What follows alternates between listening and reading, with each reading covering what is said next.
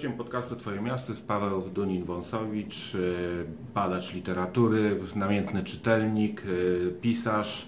Y, a rozmawiać będziemy o mieście w literaturze, w literaturze science fiction, o wizjach miasta przyszłości. No właśnie, jak, jak, jak się miasto jawi w literaturze science fiction, to zwłaszcza polskiej? Czy, bo, bo literatura, polska literatura, tak, tak jak ja się zdążyłem zorientować z tego, co przeczytałem, nie do końca sobie z miastem radzi. To... No ja nie wiem, czy sobie nie do końca radzi. Ja teraz wydałem w zeszłym roku przewodnik literacki po Żoliborzu i tam było ze 400 źródeł. Teraz dla Fundacji e, Hereditas oni wydają spotkania z zabytkami, która uzyskała dotację z miasta Warszawy. Robię przewodnik literacki po Pradze już mam 400, warszawskiej Pradze, już mam 400 źródeł.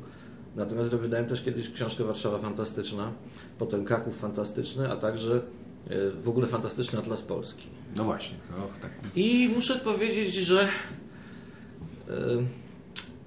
to jest bardzo, e, można powiedzieć, są bardzo niewspółmierne do wielkości miasta odbicia w literaturze fantastycznej, bo y, no oczywiście jest olbrzymia ilość książek o fantastycznej Warszawie, przyszłości, a także historiach alternatywnych, także jakieś tak zwane urban fantasy i jest bardzo dużo też o Krakowie. Te dwa miasta dominują? Tak, tak, tak. tak. I o nich dało się zapisać osobne, osobne książki.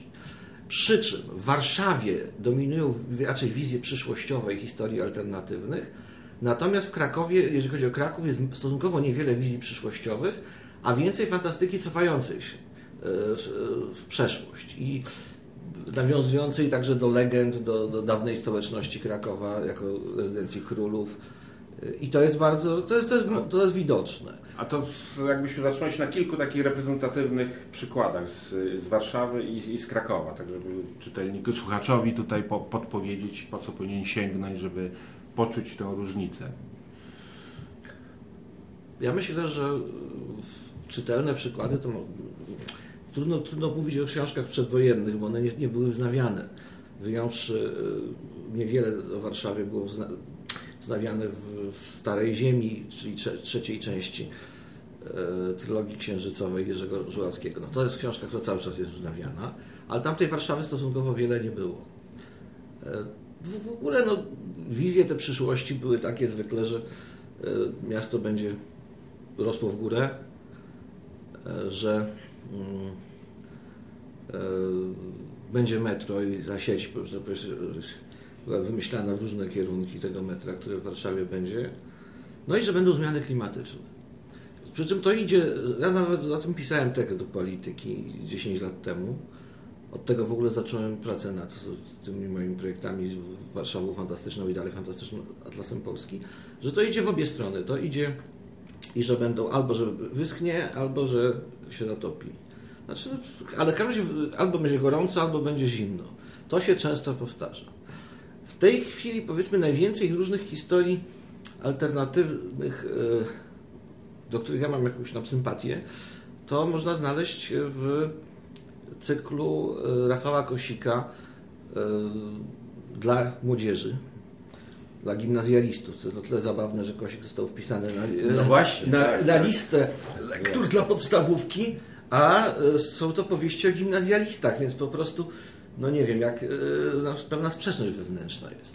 Ale ta seria Felix Nedinika, która miała jedną nie, niezbyt udaną ekranizację, a ta seria liczy już kilkanaście grubych tomów, i tam jest coś takiego jak Warszawa Plus, jest trochę czegoś więcej tej Warszawy. Są czasem są jacyś ludzie, e, jakieś stwory pod ziemią żyjące, jakieś cyborgi, ale też jest dużo wizji, przede wszystkim w powieści Świat Zero, dwutomowej, gdzie e, pokazane są Warszawy, jest kilka wersji historii alternatywnych o różnym punkcie rozdzielenia, więc jest e, turbokapitalistyczna, jest taka, która była przed burzeniem PRL-u, jest okupowana przez Niemców nadal cały czas, jak w hitlerowskiej okupacji.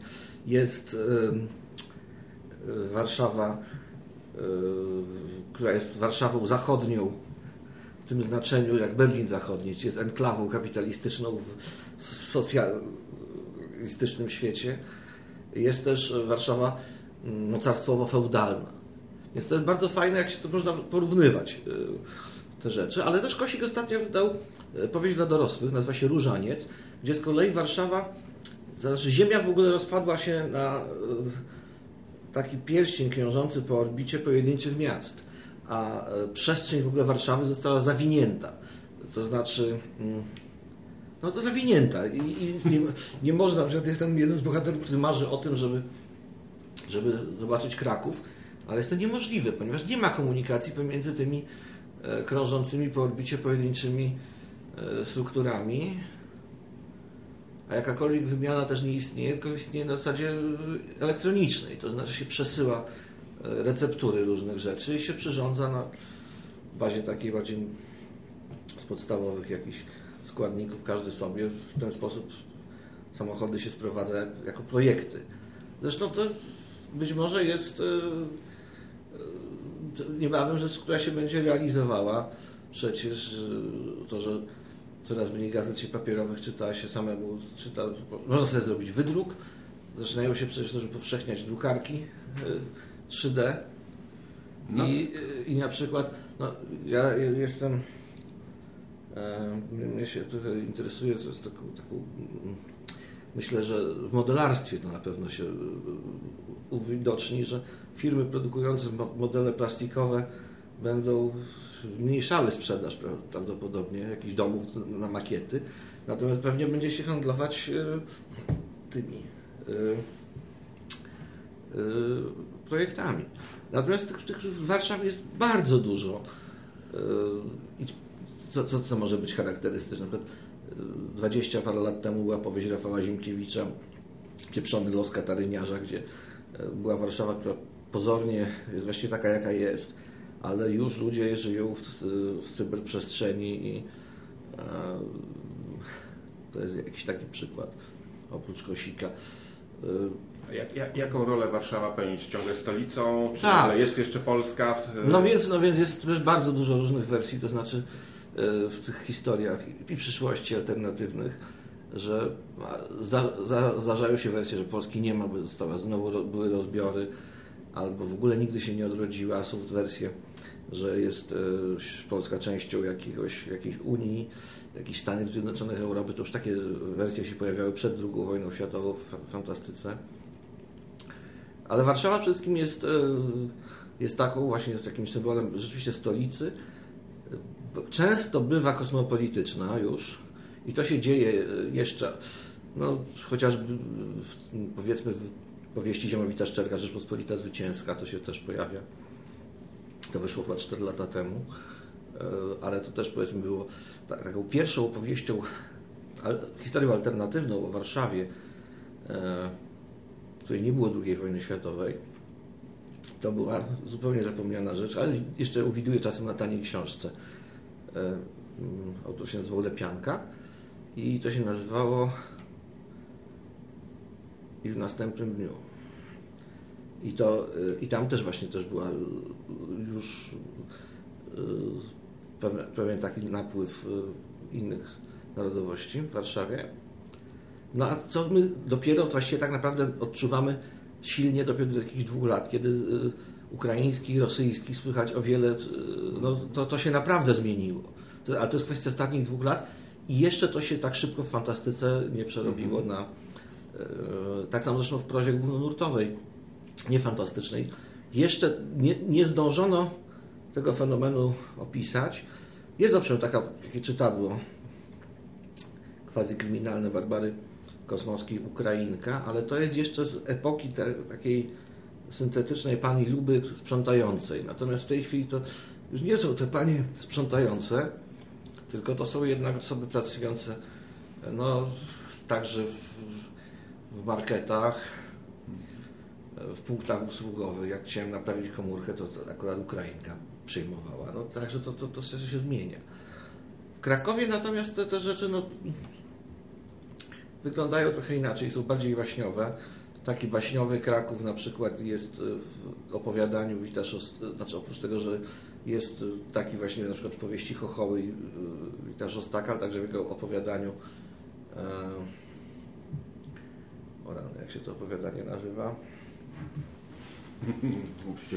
Do ściągawki. Muszę do ściągawki zajrzeć. Czyli fantastycznego Atlasu Polski. Który polecamy serdecznie. Zwłaszcza, że chwila, chwila na reklamę. Zwłaszcza, że jest wyczerpany. wyczerpany. Oj, no to, ale są antykwariaty, jest Allegro i jest, jest, jest drugi Szostak. obiekt. To się nazywa Miasto Grobów. To jest, to jest w takiej książce antologii Księga Strachu 2. E, I teraz widzimy na tej książce. Ta książka wydana 11 lat temu nadal jest. Tam jest też e, jeszcze jedna rzecz ciekawa, to znaczy tam też jest opowiadanie Wojciecha Orlińskiego w nurcie, że tak powiem, duchów e, gettowych bo to też jest na przykład, ja też pracuję nad tym, mam nadzieję, że w tym roku wreszcie to wydam, no to też jest kwestia mniejszości narodowych, a dokładnie e, Żydów warszawskich, którzy jest, ja znalazłem około 100 utworów literackich fantastycznych, w których e, ten problem się pojawia i to w różnych wersjach, i w jakichś przedwojennych antysemickich, ale i właśnie w jakichś takich, takich jak Igora Ostachowicza chociażby powieść Noc Żywych Żydów. Mhm ale też właśnie na przykład Wojciecha Orlińskiego też było opowiadanie, e, które, które, które było drukowane w tej antologii. I tam e, to są, to są ciekawe rzeczy takie. Natomiast no, to, więc Kraków ma bardziej takie, więcej takich baś, bardziej takich baśniowych przekształceń e, i nawiązujących właśnie w tym mieście grobów Szostaka na przykład no, jest E, ktoś, kto jest królem Polski, tej alternatywnej historii, nie mówiąc o tym, że się otwierają w ogóle w Wiśle Gehenne i tam ludzie z grobów wychodzą, ale to jest też ciekawe, że, mm, że tam jest postać jakiegoś takiego ostatniego króla Polski, który jest takim skrzyżowaniem trochę Jana Pawła II z Czesławem Miłoszem. Także to, to, to, akurat można kupić na taniej książce i widziałem tutaj na, na Jana Pawła II na przykład właśnie, e, że oba tomy Księgi Strachów wydanych 11 lat temu przez nieistniejące już wydawnictwo Runa jeszcze tam zalegają. Czy przyglądałeś się jak, jak e, podobne te, tematy no, nasi sąsiedzi chociażby podejmują, pisarze, nie wiem, czescy czy No więc właśnie nie miałem okazji specjalnie tej miejskiej fantastyki naszych najbliższych sąsiadów czytać. No bo ona prawie nie jest tłumaczona. Jest tłumaczona, tak. Ja nie, nie, nie dysponuję język, wiedzą w językach oryginalnych, no ale powiedzmy rozmawiałem ze znajomą Niemką, która trochę się fantastyką interesuje i mówi, że dla niej to jest zaskoczenie, że w Polsce ta, taka fantastyka miejska tak się rozwija, że ona nie kojarzy tego typu literatury niemieckiej specjalnie. No wiadomo, że jest, wiadomo, że jest taki brytyjski autor, którego nazwiska nie umiem wymówić, bo China Miville. A, China Miville, tak. On jest tłumaczony na polski, on rzeczywiście taką fantastykę miejską mhm, uprawia. Mm -hmm. I to, to mogę powiedzieć, że on wymyśla takie różne miasta żyjące własnym życiem, to jest bardzo atrakcyjne. I, I tego parę książek próbowałem jego czytać, ale po prostu za bardzo się ostatnio koncentrowałem na Polsce, żeby, żeby, to, żeby to ogarnąć. Więc. No właśnie, ale tak po, takiej lekturze no, wielu rzeczy, jakiejś, jakiejś formie oglądu całości, czy, czy, czy można, y, bo na razie pokazaliśmy punkty specyficzne, znaczy pewną mapę tego, tego, tego, tego terytorium stworzyliśmy, a teraz czy można jakąś syntezę zaproponować, coś, jakieś wątki, które przeplatają się niezależnie od różnych pomysłów narracyjnych, że, że z tego można by odczytać rodzaj, nie wiem, jakichś lęków albo nadziei. Na albo... pewno, na pewno y, był taki moment na przykład przed wejściem Polski do Unii Europejskiej, że było stosunkowo dużo, kilkakrotnie, stosunkowo dużo, powtarzały się wątki rozbiorowe, że nastąpi nowy rozbiór. Natomiast podczas pierwszych rządów Prawa i Sprawiedliwości dosyć silne były z kolei y, emanacje fantastyki mocarstwowej których Polska y, miała kolonie na całym świecie, a przecież nawet tutaj zrobiłem mapę tych kolonii polskich na świecie. A to, ale ona się zaczyna i w kosmosie zresztą też. Ale to się jeszcze zaczynało od Bolesława Prusa, prawda? To są... Znowu sięgamy do fantastycznego Atlasu Tak, Polski. no to dlaczego mówię tutaj w tym momencie sięgać? Nie, nie, bardziej? najlepsze źródła, także W tym polecamy. momencie tylko mówię, no, już jest wyczerpane i nie zanosi się na, na nowe. To tym bardziej apetyt będziemy tutaj rozniecać. Mhm. E, Więc, ale też po, kolonie Polski w kosmosie to też jest dosyć istotne, bo że to się też czasem pojawia w wersji satyrycznej, a czasem potwornie, e, że, że tak powiem, e, e, na serio. I na przykład pierwszym taką powieścią była powieść Nilla i Oko Herpantyla, wydana w latach dwudziestych przez autora, który podpisywał się pseudonimem brzmiącym nie po polsku, bo Armand Cordeval, ale był o tym, że e, Polacy jako jedyny taki lud y, wierny religii katolickiej wyemigrowali całkowicie na Wenus i tam założyli y, swoje państwo, królestwo oczywiście wolne od zepsucia, natomiast ziemia y, zupełnie gnije moralnie, a także wylatuje w powietrze i tylko ludzkość ocalała w tej Polsce na Wenus. To na poważnie czy ironicznie? Na poważnie. Na poważnie. No właśnie, On ale- pisał na poważnie. Mhm. On pisał na poważnie, ale ironicznie na przykład są takie rzeczy jak y, na przykład y, to było bardziej ironiczne. Y, nawet takiej antologii PL plus 50, która była zredagowana przez Jacka Dukaja 14 lat No temu. tak, tak. No. Było opowiadanie listy z, ty- z Tytana i tam jest powiedzmy stylizacja na chłopa, który uprawia e, ziemię na Tytanie, który jest e, księżycem Saturna. Gdzie indziej na przykład w, było takie publikowane w piśmie już nieistniejącym science fiction miesięczniku opowiadanie Dawida Juraszka 2647 Odyseja Sarmacka, gdzie z kolei e, akcja się rozgrywa gdzieś w kosmosie na planecie Kraina na Nowej Litwie. I tam są od, odtwarzane obyczaje e, staroszlacheckie, no i e, e, mówią też takim językiem styli, stylizowanym. E, taką staropolszczyzną sien- sienkiewiczowską. Ale czy to by sugerowało, że ta... Ale to raczej było, na, to było raczej na, na, na... Zresztą taką stylizację archaiczną znajdujemy też u- w świecie zero Rafała Kosika, gdzie jest też Polska mocarstwowa, feudalna cały czas właściwie. Ale czy to by sugerowało, że, że, że ta literatura jest, no nie wiem, bardziej reprezentowana przez pisarzy o poglądach, nie wiem, takich konserwatywno-prawicowych, właśnie z jakimś taką nostalgią za, za, za, za wielkością, po- czy nie? Czy, czy, czy ja nie myślę, że, y, że to się rozkłada. Z tym, że powiedzmy raczej nie ma specjalnie pisarzy radykalnie lewicowych, o ile są prawicowi. Czyli, czyli wizji socjalizmu niespecjalnie. Raczej nie, natomiast powiedzmy jest różnica rzeczywiście pomiędzy e, mm, konserwatystami, którzy się zdarzają. E, Jak powiedzmy Tomasz Terlikowski, przecież Operacja Chusta to jest jego powieść e, o tym, jak Warszawa jest miastem zupełnie gnębionej religii chrześcijańskiej wszystko jest nie- niedobre.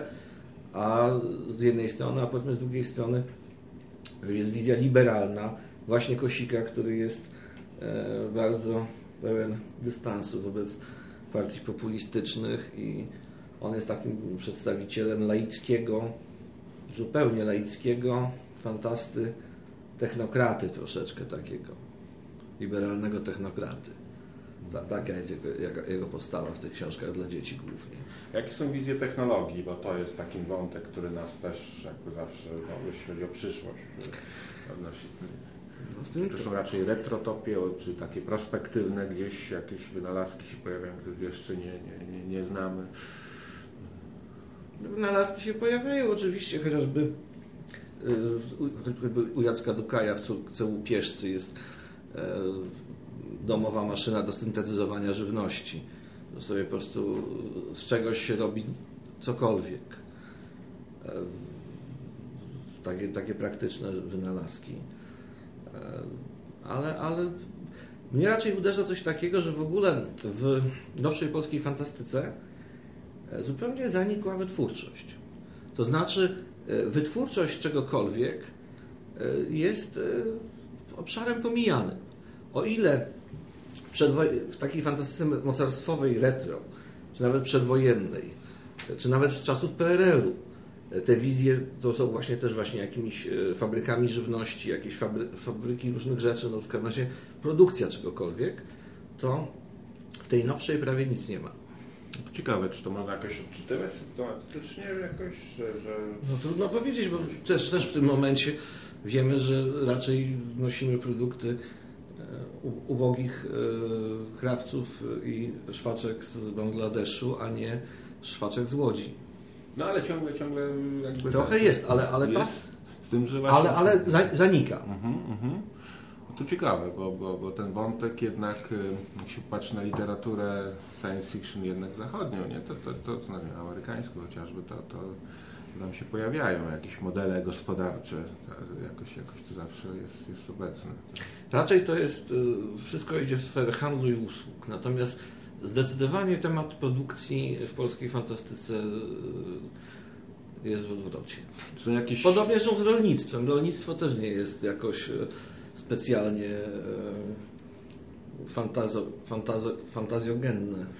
Dominujące modele polityczne, to już mówisz, że jest pełne spektrum, ale jest. czy jakieś, jakieś na przykład jakiś wzór się właśnie, nie wiem, jakiś taki monarchiczny, skoro mówimy o powrocie... Nie, no to jest, to jest duży rozrzut. Tutaj, mhm.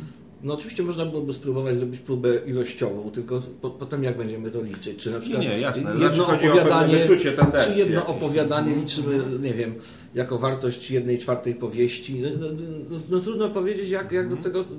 A która tak, tak już jako do czytelnika, nie, nie, nie tylko krytyka, ale czytelnika, który też czyta przecież dla przyjemności, która, która z tych wizji też jakoś tak naj, najbardziej rezonowała z Twoim z Twoim jakby temperamentem, która Ci się najbardziej podobała, mówiąc wprost. Czy są takie, czy niekoniecznie jedna, oczywiście nie, ale czy mi się podobała jako, w sensie jako, e, jako, jako... jako projekt, jako projekt społeczny, czy jako e, tak, tak, literatura? Tak. Znaczy, to, a może to, to jest bo dobre, to są dwie tak, rzeczy. Dwie rzeczy. No właśnie, jedna jako bo, literatura. E, bo, mhm. bo literacko to ja. Pójdźmy tu dwoma właśnie. To ja powiedzmy będę. E, literacko ja lubię w fantastyce tworzenie takich światów, że dopiero po jakichś stu stronach dowiaduje się, jak ten świat funkcjonuje. I w odniesieniu do Polski, powiedzmy, E, taką powieścią były inne pieśni Jacka Dukaja. I e, lud właściwie działał na tym samym silniku właściwie, tak, taka sama konstrukcja, tylko obudowany bardziej e, zjadliwym, bo bliższym nam historycznie czasem, a nie... No ale powiedzmy właśnie na zasadzie zagadki. No, lubię bardzo właśnie jak, jako zagadki czytać powieści Marka Huberata, ale on prawie tego niczego w, prawie w Polsce nie umieszcza u niego to, że te rzeczy się dzieją e, w jakichś takich innych zupełnie. Też mi się podobały powieści Aleksandra Kościowa, ale, ale też tam no, są w powieści Przeproś są, jest Warszawa. I to jest ciekawe literacko, chociaż, bo to jest też pomyślenie o świecie jako grze. Ostatnio na przykład przeczytałem, przeczytałem to za dużo powiedziane, ale przejrzałem e, powieść Omega Marcina Szczygielskiego. To jest fantastyka dla nastolatków, ale też właśnie pokazanie e, przemienienia się rzeczywistości w grę. Że bohaterka dostaje na urodziny plik z grą i okazuje się nagle cały świat ją otaczający, miasto, w którym żyje, jest e, scyberyzowane i jest, jest rodzajem gry. Więc, więc to jest bardzo, bardzo ciekawe. Natomiast czy któryś z tych światów jest światem bardziej sprawiedliwym od tego, w którym żyjemy, jakimś idealnym, to tutaj yy, trudno powiedzieć. No, trudno powiedzieć, czy, czy, taki świat w ogóle istnieje. Na pewno no, bardziej lubię powiedzmy ten model yy,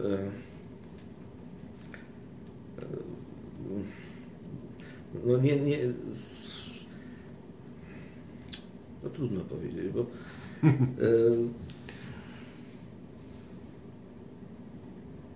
czy, czy, czy w ogóle, czy w ogóle literatura, która, która prezentuje e, świat e, dobry, taki jaki byśmy chcieli, żeby była, to się bardzo rzadko pojawia. Zawsze, i zresztą w takim klasycznym dziele amerykańskiego fan, fantasty Edwarda Bellamy, ono miało parę, różne tytuły w polskie wydanie miało, chyba w roku 2000 się nazywa. no właśnie takiej utopii jest zadane pytanie, czy może istnieć w świecie bezkonfliktowym, czy może istnieć dobra literatura. Czy literatura musi się żywić konfliktami? No to było wydane pod koniec XIX wieku. I no, tam protagonista odpowiada, że może, że może być w takim świecie lepszym również ciekawa literatura. Bez, bez problemów, bez, bez poważnych problemów. To może y, na koniec, y, poza tym, że oczywiście nieustannie polecałem fantastyczny Atlas Polski, który trudno już będzie zdobyć, y, jakieś dwie, trzy rekomendacje dla czytelników, którzy chcieliby zacząć przygodę z taką literaturą, trochę, trochę popatrzeć na miasta właśnie przez oczy literatury fantastycznej, fantastycznej i, i od czego warto zacząć. Ja mam takiego pecha, że jak mi się coś podoba, to potem te książki trafiają zwykle na tanią książkę.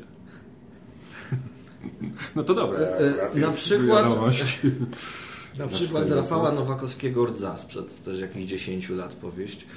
To jest o Warszawie e, w świecie, w którym wysiadł system energetyczny dotychczasowy i Warszawa jest zarządzana przez Azjatów, którzy w sposób bezkrwawy przejęli władzę i jest to miasto przeludnione, gdzie na Saskiej Kępie jest Nowy Pudong, jaka, taka dzielnica właśnie taka elitarna dla naszych azjatyckich okupantów. Czyli Rafał Nowakowski rdza.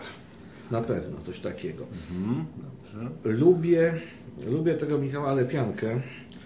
To znaczy, jest to powieść też, którą można na taniej książce znaleźć. I to się nazywa dokładniej Maciej Lepianka, przepraszam. I w następnym dniu. To wyszło 22 lata temu.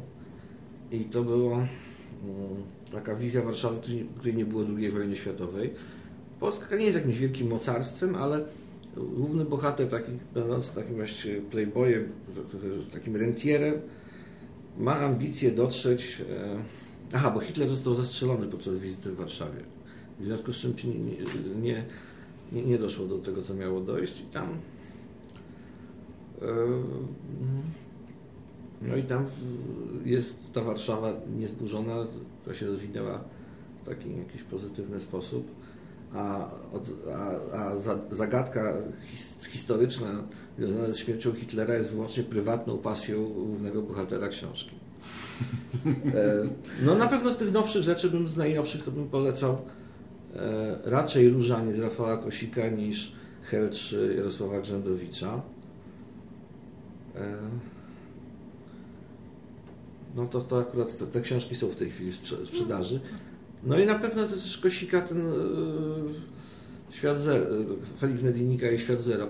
Ta seria jest bardzo nierówna, muszę powiedzieć. Zwłaszcza jak on teraz wyprowadził swoich bohaterów na wakacje do Anglii, to, to już to w ogóle mnie przestało interesować, ale akurat te, te, te, te dwa tomy Felix Nedinika i Świat Zero mi się uważam są jakieś takie atrakcyjne. Dziękujemy za te rekomendacje, zapraszamy do lektury i w ogóle dziękujemy za, za wprowadzenie nas w fantastyczny atlas polski, polskich miast. Dziękuję bardzo.